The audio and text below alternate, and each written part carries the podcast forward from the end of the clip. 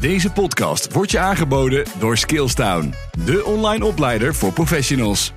Zeker in deze turbulente tijden vraagt het van bedrijven en organisaties dat ze snel in kunnen spelen op veranderingen. Of dat nu maatschappelijke veranderingen zijn, een nieuwe generatie die aandacht vraagt, een personeelstekort of juist een overschot. Het vliegt al jaren alle kanten op. Belangrijk dus dat een organisatie het corporate leren goed op orde heeft. En dat vraagt nogal wat. Want wie denkt er vanaf te zijn met het organiseren van een cursus of training, schiet echt tekort. Het organiseren van corporate leren is een vak apart. Vandaar dat wij daar in deze podcast aandacht aan besteden. Jullie hebben al verschillende collega's kunnen beluisteren, hun aanpak, ideeën en slimme oplossingen gehoord. Fijn dus dat je weer luistert naar zo'n interessant gesprek. Vandaag over het organiseren van het leren in internationaal opererende bedrijven. Mijn naam is Mieke Postumus en mijn gesprekspartner vandaag is Ronald van der Molen. Welkom Ronald. Dank je Mieke. Leuk om bij te dragen aan deze podcast. Leuk dat je er bent. Ronald, wij kennen elkaar van de NSCU. Voor degene die dat niks meer zegt, de Nederlandse Stichting voor Corporate Universities. Dat uh, was, moet ik helaas zeggen, een netwerk voor uh, leerprofessionals. Heeft zo'n 20 jaar bestaan. Jij bent daar ook heel lang lid van geweest, ook bestuurslid. Dat was toch wel een bijzondere tijd, hè? Hoe, uh, hoe kijk jij daarop terug, om, om maar even het gesprek zo te beginnen? Ik denk dat het een hele, voor mij was dat een hele bijzondere tijd, want ik zat toen in, uh, in de opbouw van het opzetten van mijn eerste corporate university. En uh, toen de tijd, toen NSU opgericht werd, dacht ik van hé, hey, dat is een, ja, dat komt precies op het juiste moment om te sparren met andere collega's van hoe zet je nou zo'n corporate university op. Dus ik kijk er uh, ja, met veel genoegen aan terug, aan, aan die tijd, aan de opbouw van, van de NSU. Want, ik heb er zelf heel veel aan gehad. Ja, want dat was echt het doel, hè? Dat, dat uh, zeg al zo'n twintig jaar geleden. En dat leren en die academisch bouwen, dat, uh, dat, dat begon toen net. Maar je was, je, weet ik nog uit mijn eigen ervaring, best wel alleen daarin. Want ja, mensen uit het eigen bedrijf, ja, die hadden zoiets van, uh, nou, organiseer een paar opleidingen of trainingen. Maar wij zochten met elkaar van, ja, hoe geef je dat leren in een bedrijf nu, nu vorm? En uh, ja, dat sparren met elkaar. Ik weet nog, jij werkte toen bij Coca-Cola. Dat was ontzettend interessant. We zijn ook bij jou op bezoek geweest, weet ik nog, met een busje met wat uh, collega's erin. En ja, jij wees ons toen de weg binnen Coca-Cola en hoe het daar allemaal ging. Um, Coca-Cola is dus jouw eerste academie geweest, hè, waar je een academie gebouwd hebt. Uh, sinds lange tijd ben je nu in het buitenland uh, aan het werk, of voor internationale bedrijven moet ik eigenlijk zeggen. Gaan we het zo nog over hebben. Maar nog weer even terug naar die NSCU, want je bent dus veel in het buitenland geweest en nog steeds.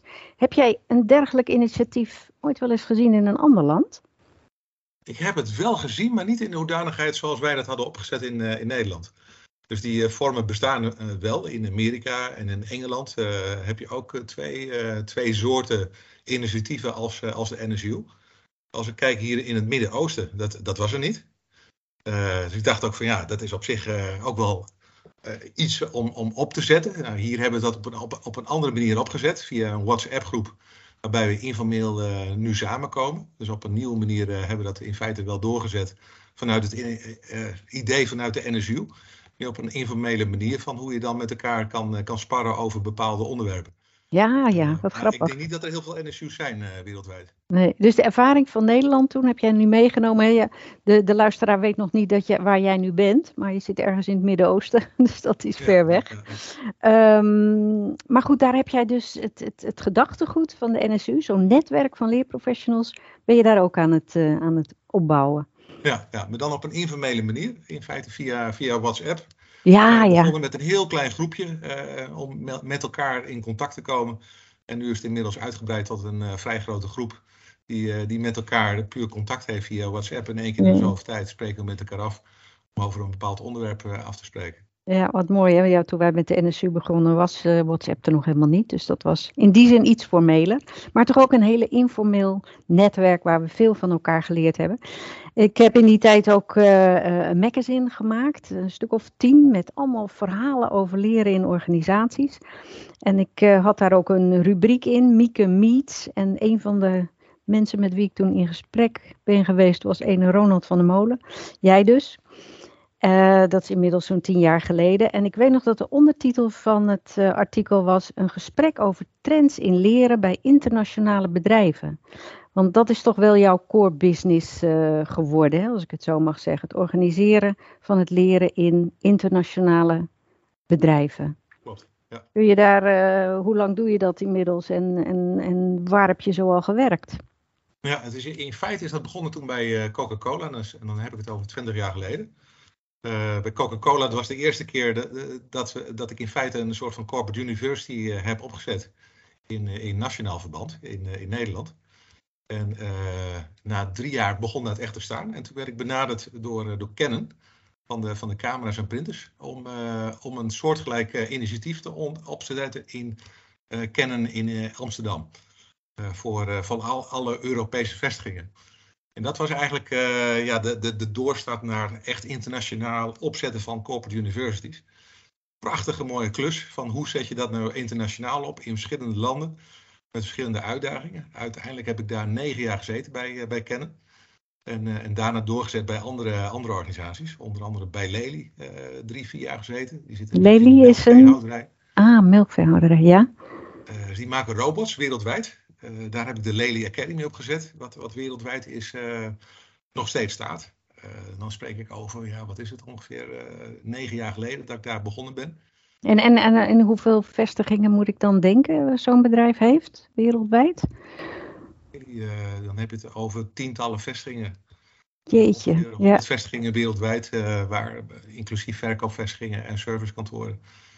Uh, dus wereldwijd werd ook de Lely Academy uh, ja, werd daarvoor gebruikt om te kijken van hoe uh, we wereldwijd dezelfde service kunnen bieden aan alle klanten wereldwijd. Ja.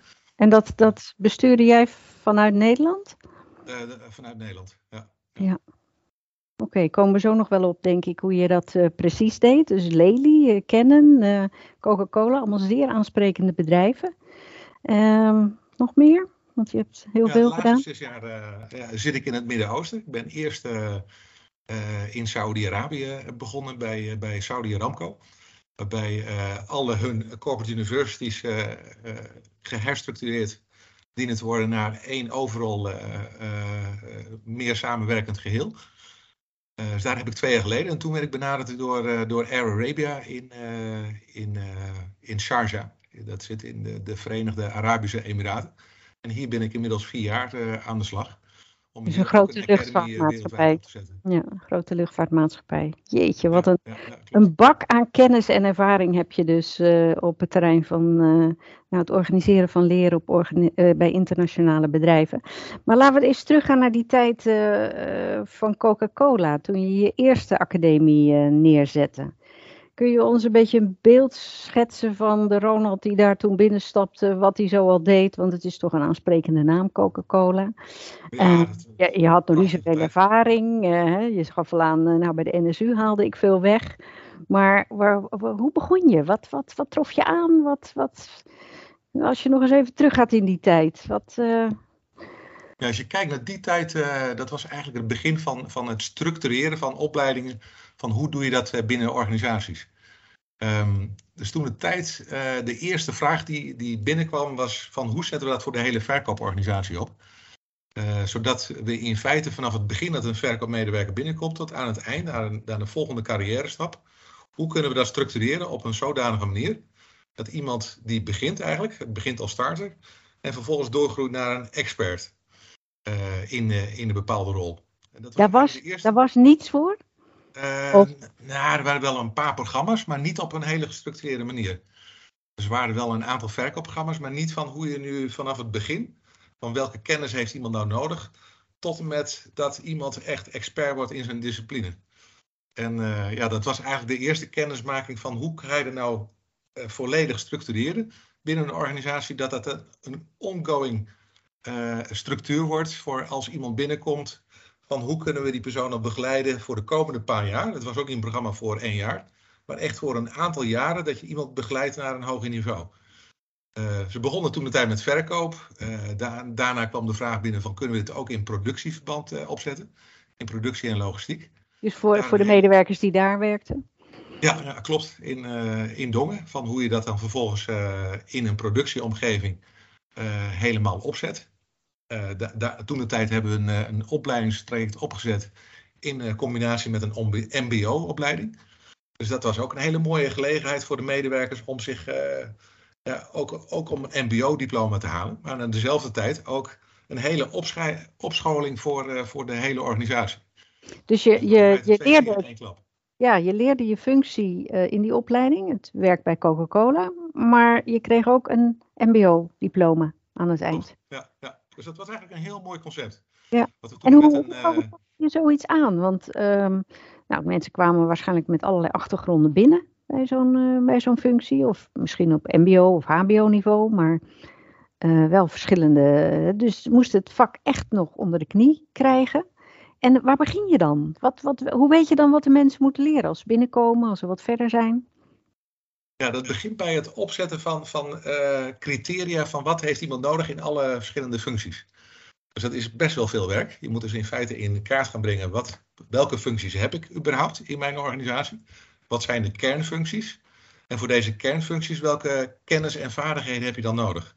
Ja. Uh, en dat, dat is gewoon het documenteren van de kennis en vaardigheden die je nodig hebt voor die bepaalde functies. Ja, daar was waarschijnlijk een globaal iets voor, een, een, een soort uh, profiel waar mensen op geworven werden.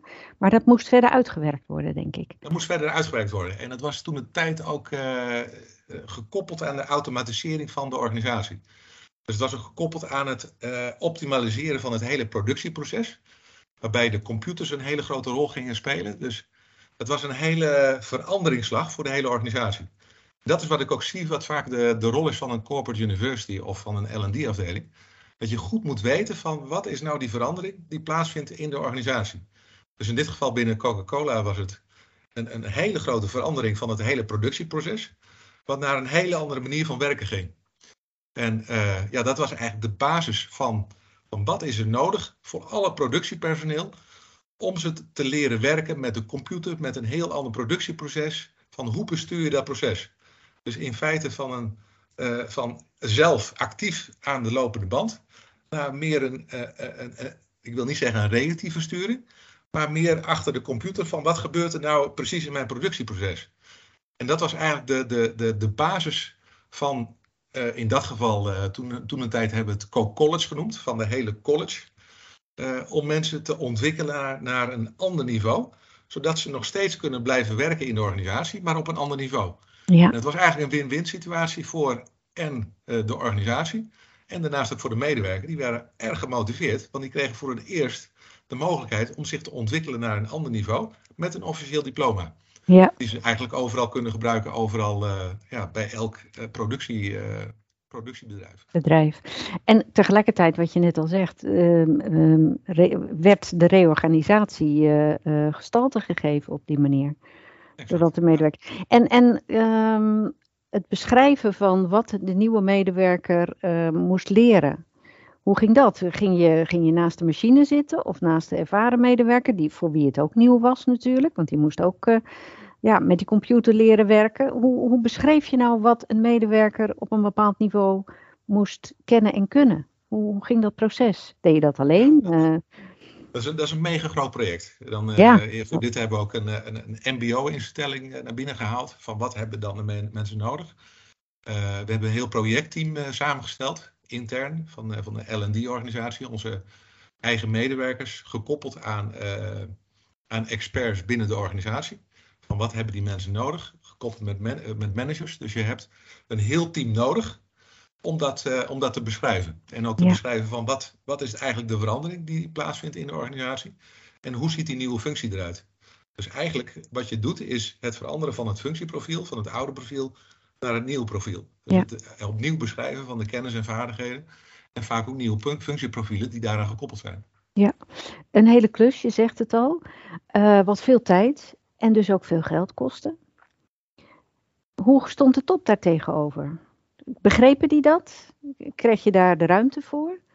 Uh, die stonden daar volledig achter, omdat ook de essentiële vraag vanuit de top eigenlijk, uh, daar kwam de vraag vandaan.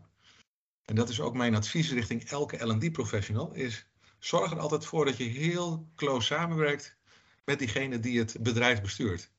Want dat zijn uiteindelijk de bepalers in de organisatie. Dus ik had een hele nauwe samenwerking, in dat geval met de operations director, die in feite de architect was van de, van de hele verandering voor die, uh, voor die productieorganisatie. En samen met hem hebben in kaart gebracht van oké, wat betekent nou die verandering die we gaan doorvoeren voor, de, voor al ons personeel. Dus het was eigenlijk een hele close, close samenwerking met uh, de hoogste manager in dit geval. Van wat is de verandering die moet plaatsvinden?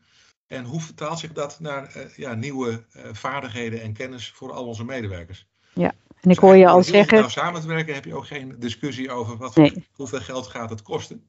Nee. Uh, nee, het is meer een discussie van hoeveel geld gaat het opleveren. Ja. Als we het niet doen, ja, gaat het heel veel geld kosten, omdat we onze medewerkers niet op het juiste niveau hebben. Ja, maar je, jouw advies hoor ik hier al tussendoor eh, de regels door, maar je geeft het ook wel expliciet eraan.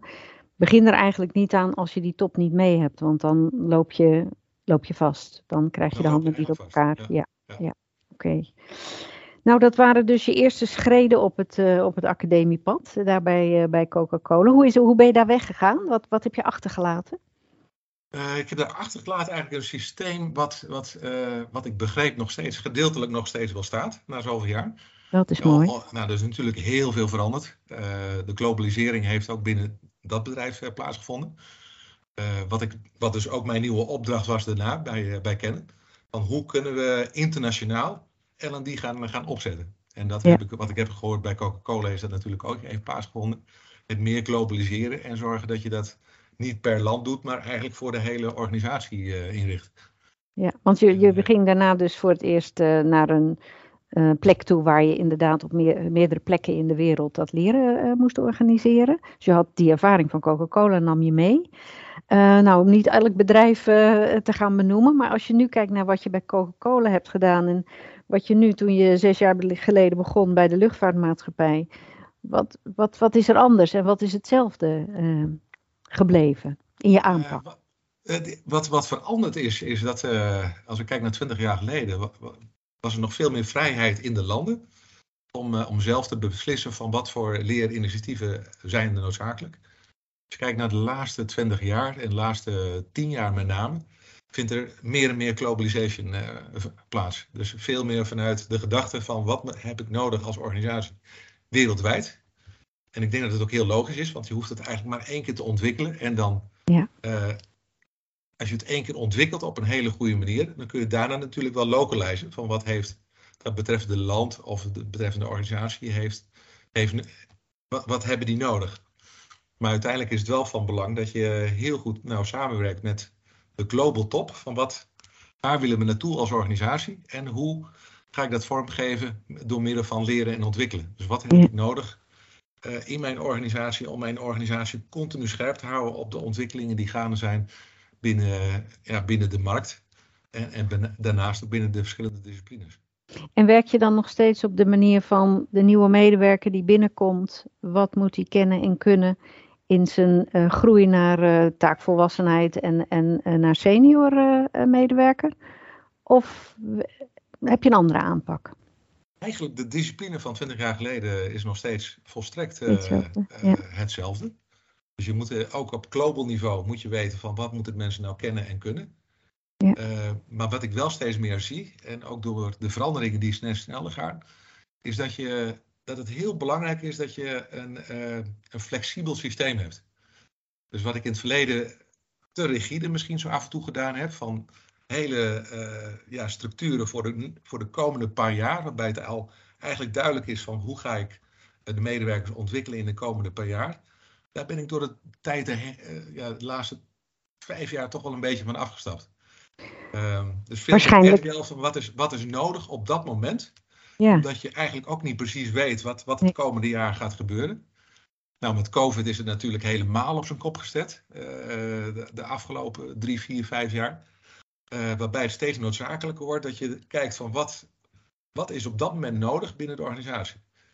Dus natuurlijk heb je nog steeds structuren van hoe je ontwikkelt en, uh, en, en mensen ontwikkelt in, in hun verschillende disciplines. Maar het is ook heel belangrijk om, om een groot gedeelte van je agenda vrij te houden voor uh, behoeftes die continu eh, eigenlijk vanuit de organisatie uh, naar boven komen drijven. Ja, maar dit is zeg maar de inleiding van mijn gesprek, van ons gesprek net. Dat ik zei, ja, de veranderingen gaan zo snel. LD is daar niet meer in weg te denken. Maar de vraag is, hoe, hoe doe je dat dan? Want, want je zegt het mooi en het lijkt makkelijk. Maar die oude structuur van kijken wat heeft iemand nodig als hij binnenkomt en wat als hij doorgroeit, was in die zin nou, relatief eenvoudig te realiseren.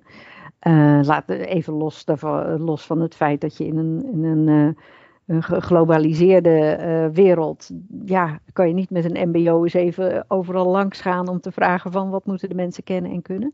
Maar dat terzijde, um, hoe doe je dat dan? Dat, dat je zegt van nou, ik heb het niet meer zo zwaar gestructureerd.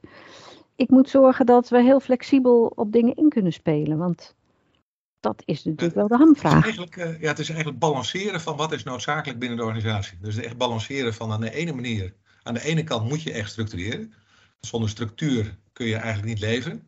Dus je hebt een structuur nodig uh, die duidelijk is voor een medewerker. Ik kom binnen in een bepaalde functie en hoe ontwikkel ik mij in, in die bepaalde functie. Binnen de luchtvaartmaatschappij is dat, is dat eigenlijk heel duidelijk. Als je cabincrew bent of piloot is heel duidelijk. Een, een bepaald pad is al gedefinieerd. Um, maar aan de andere kant, als een LD-organisatie, is het ook heel belangrijk om uh, dicht met het managementteam uh, te bepalen van wat is noodzakelijk in het komende jaar. Van waar, is, waar ligt de behoefte binnen de organisatie. Dus het is ook heel belangrijk om een nauwe samenwerking te hebben met het hele managementteam. Van wat, is, wat is van belang uh, voor dat managementteam en, welke veranderingen vinden plaats in de komende tijd, zodat je daar ook een toegevoegde waarde aan, uh, aan kan leveren.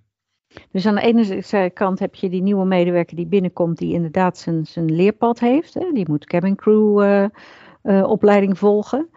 Om te zorgen dat hij dat werk goed doet. Maar daarnaast ben je bezig met, ja, noem het maar, collectief leren op veranderingen. Uh, ja, om ja. iedereen mee te nemen in die veranderingen. En, um, ja, dat, ja, dat, kunnen ook bepaalde thema's zijn. als je kijkt bijvoorbeeld binnen, binnen Lely toen de tijd. Wat, wat we constateren is dat, dat de organisatie uh, heel erg gegroeid was. En uh, ook op verschillende uh, onderdelen was gegroeid in verschillende landen.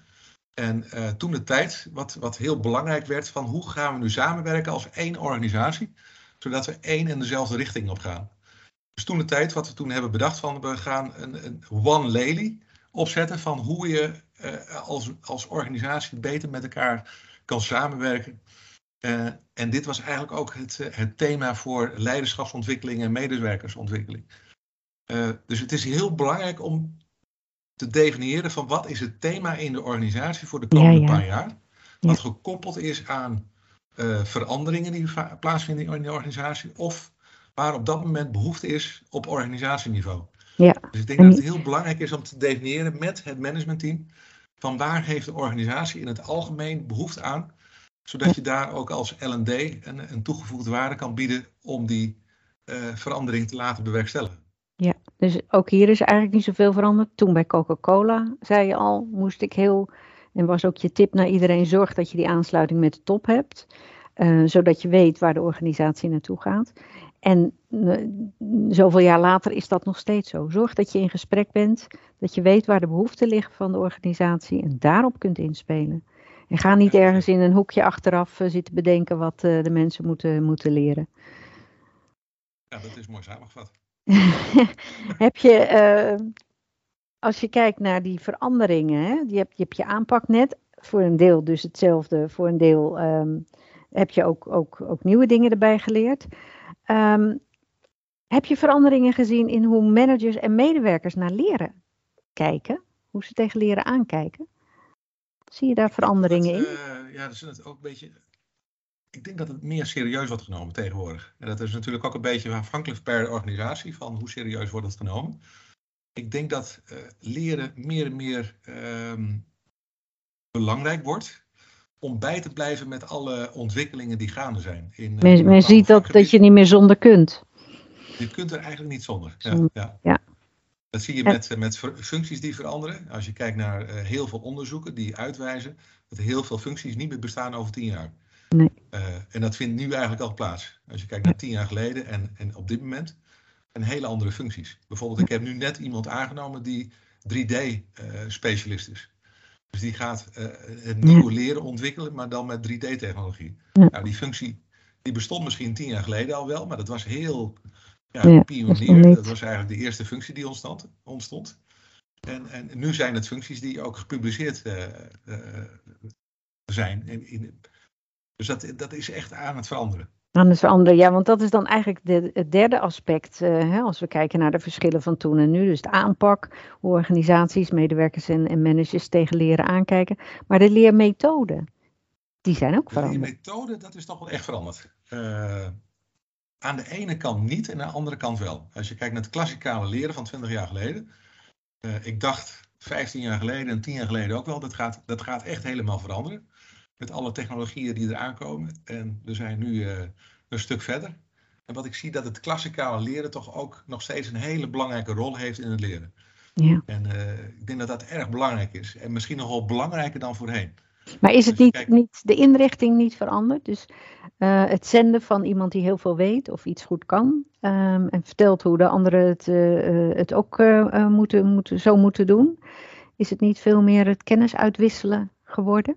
Dat, dat, dat zeer zeker. Dat zeer zeker. Maar als je kijkt naar de, de, de, de, let's als je kijkt naar de 20-jarigen, die zitten nu allemaal achter hun mobiele telefoon. En er vindt eigenlijk bijna geen communicatie meer plaats. En ik denk, juist voor die vaardigheden is het essentieel om dat klassikale te behouden. Ja. Maar goed, het neemt niet weg als ik kijk de laatste tien jaar dat het enorm veranderd is. Eh, gedurende COVID zijn we helemaal overgegaan op, eh, op mobiel leren en via Teams en via eh, ja, wat we nu in feite doen. Op een hele manier er- wordt nu geleerd. Via gamification en via mobiele. via de, wat, wat we hebben geïnitieerd de afgelopen tien jaar is eigenlijk een heel mooi palet van allerlei opties die mogelijk zijn tegenwoordig met leren. Ja, En ik denk dat als een leerprofessional is het nu belangrijk om te zien van, ja, wat, wat heb ik nodig, gekoppeld aan deze behoefte en welke leerinterventie ga ik gebruiken. ja. Dat zal dus de de ene video keuzes. zijn. Ja. Dus allerlei keuzes die je nu tegenwoordig hebt. Dus je moet daar eh, van op de hoogte zijn, ook creatief in zijn. En goed ook dat leerdoel weer kunnen benoemen, wat je altijd al moest. Maar nu zeker, welk leerdoel of welk leermiddel past daar dan het beste bij om dat doel te bereiken? Ja, ja, Ja, dat klopt. Interessant. Nou, Ronald, we zijn alweer een tijdje eh, in gesprek en we moeten gaan afronden. Maar jij hebt vast nog wel tips voor, eh, nou, in ieder geval leerprofessionals die met in internationale academie bezig zijn. En vast ook wel mensen die eh, met de gewone academies bezig zijn. Heb je, je hebt er al een paar zo tussen de regels doorgegeven. Kun je ons nog meer tips eh, meegeven? Ja, ik denk het meest essentiële is altijd de vraag van waar heeft nou de organisatie behoefte aan? Dus wat willen ze veranderen in eh, de, het komende jaar of in de komende paar jaren? Ik denk dat Dus dat die aansluiting bij de strategie van de organisatie, dat is en blijft bovenaan staan. Hè?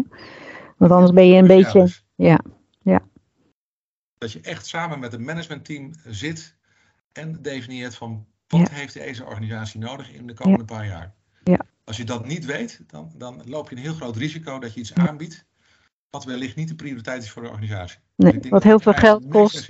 Maar, eh, ja. ja. Oké, dat, dat is je belangrijkste boodschap? Ik denk dat dat het belangrijkste boodschap is. En eh, ja, ben heel flexibel in de zin van, van wat moet ik nou bieden in deze organisatie. En ja, eh, wat ook ontzettend belangrijk is om bij te blijven met alle nieuwe technologieën die, eh, die er nu aan, aan staan te komen.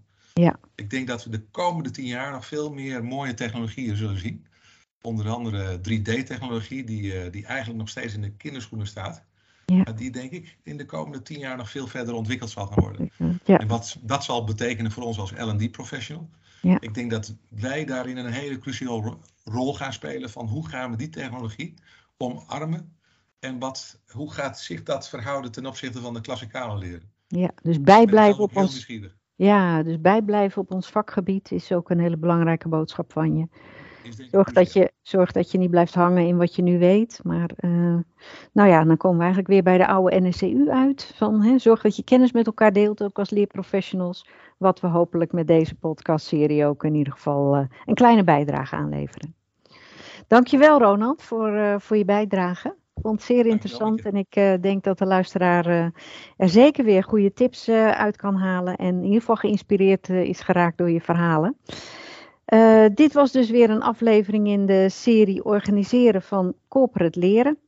De andere podcastgesprekken kun je vinden op het platform van Skillstown. Vol met de, al die andere gesprekken, ook met mooie verhalen en tips van onze collega's uit het werkveld. Graag tot een volgende keer. Deze podcast wordt je aangeboden door Skillstown, de online opleider voor professionals.